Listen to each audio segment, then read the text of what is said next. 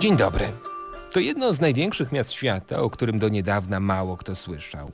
Mieszka w nim 11 milionów osób.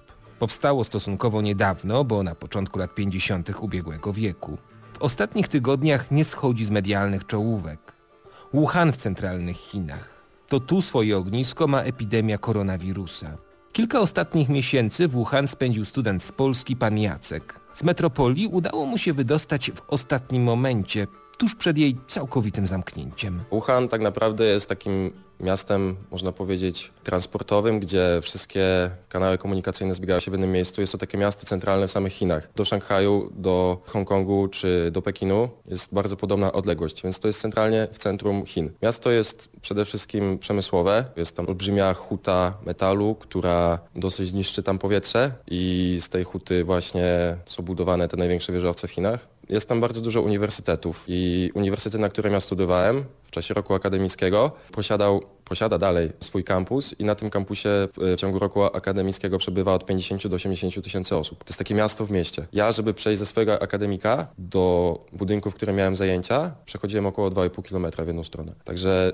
olbrzymie miasto. No i uniwersytet, na który pojechałem, jest bodajże ósmy w Chinach w rankingu, więc to też tak zachęciło dodatkowo, żeby tam studiować. No i ludzie, którzy są zorientowani w tych kwestiach technologicznych w Chinach, no to myślę, że z pewnością też by nie chcieli zrezygnować z takiej opcji, że mogą wjechać właśnie na taki uniwersytet, skąd wyszedł gość, który zrobił WeChata. Czyli największa aplikacja, która zrewolucjonizowała Chiny. W tej aplikacji tak naprawdę jest wszystko. Pierwszy raz jak przyjechaliśmy do Pekinu, chcieliśmy pójść do knajpy coś zjeść i na stole zobaczyliśmy kod QR. Pytamy się kelnera, czy możemy poprosić jakieś menu. Mówi, że nie mamy i że trzeba przez tą aplikację zamawiać jedzenie. No i nie zjedliśmy wtedy nic. Powiedz, jak żyje się w takim 11-milionowym mieście? Po przyjeździe do Polski musiałem pojechać na chwilę do Krakowa. Podróż, którą przeżyłem w samochodzie autostradą jadąc z Rzeszowa do Krakowa, czułem się jakbym wsiadł do metra i przejechał na drugi koniec miasta, tym Wuhan. Tam, żeby dojechać do centrum, taksówką potrzeba około 40 minut z tego mojego uniwersytetu i to wcale nie było duże miasto. Na mapie w ogóle to się wydaje, że to jest o, takie malutkie miasto, wielkości może,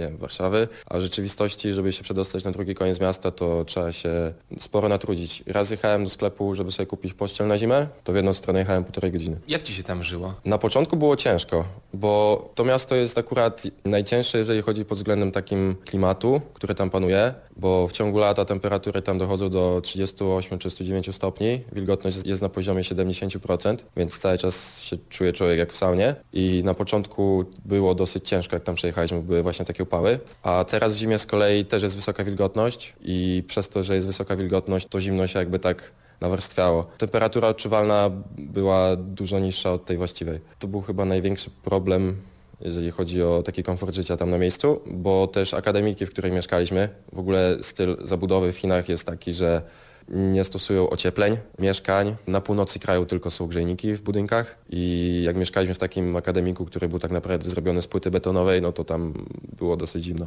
Powiedz, jak e, ludzie cię tam miejscowi przyjęli. Chińczycy są bardzo tacy wstydliwi, można powiedzieć, ale też zaciekawieni białym człowiekiem bo w momencie, kiedy przemieszczałem się po mieście, no, Wuhan nie jest miastem turystycznym, więc ludzie tam nie mają takiego kontaktu z Europejczykami, tak jak na przykład w Szanghaju czy w Pekinie i nie są przyzwyczajeni w ogóle do takich twarzy, więc jak jechaliśmy często metrem do miasta, to ludzie robili nam zdjęcia albo czasem po prostu prosili o takie zdjęcie, no ale przede wszystkim to wyglądało tak, że robili takie zdjęcia z przyczajki trochę, żebyśmy tego nie widzieli, że udają, że sobie robią selfie, a w rzeczywistości telefon kierują na nas. Na początku to było dla nas trochę dziwne, ale z czasem zaczęło nas to już tak trochę denerwować. Ja się na przykład do tego przyzwyczaiłem i wiedziałem, no dobra, niech sobie zrobię już to zdjęcie, że widzę takiego człowieka, co skądś przyjechał w ogóle. Polecam każdemu, żeby tam pojechał jak się już to oczywiście wszystko ustabilizuje, bo jest to zupełnie inne przeżycie niż na przykład pojechać gdzieś na drugi koniec Europy czy do Ameryki, gdzie ludzie mają taki zachodni styl życia. I to powoli zaczyna też wchodzić w Chinach. Ludzie chcą być tacy zachodni i bardzo ich ciągnie właśnie do Ameryki przede wszystkim. W ogóle idąc do restauracji,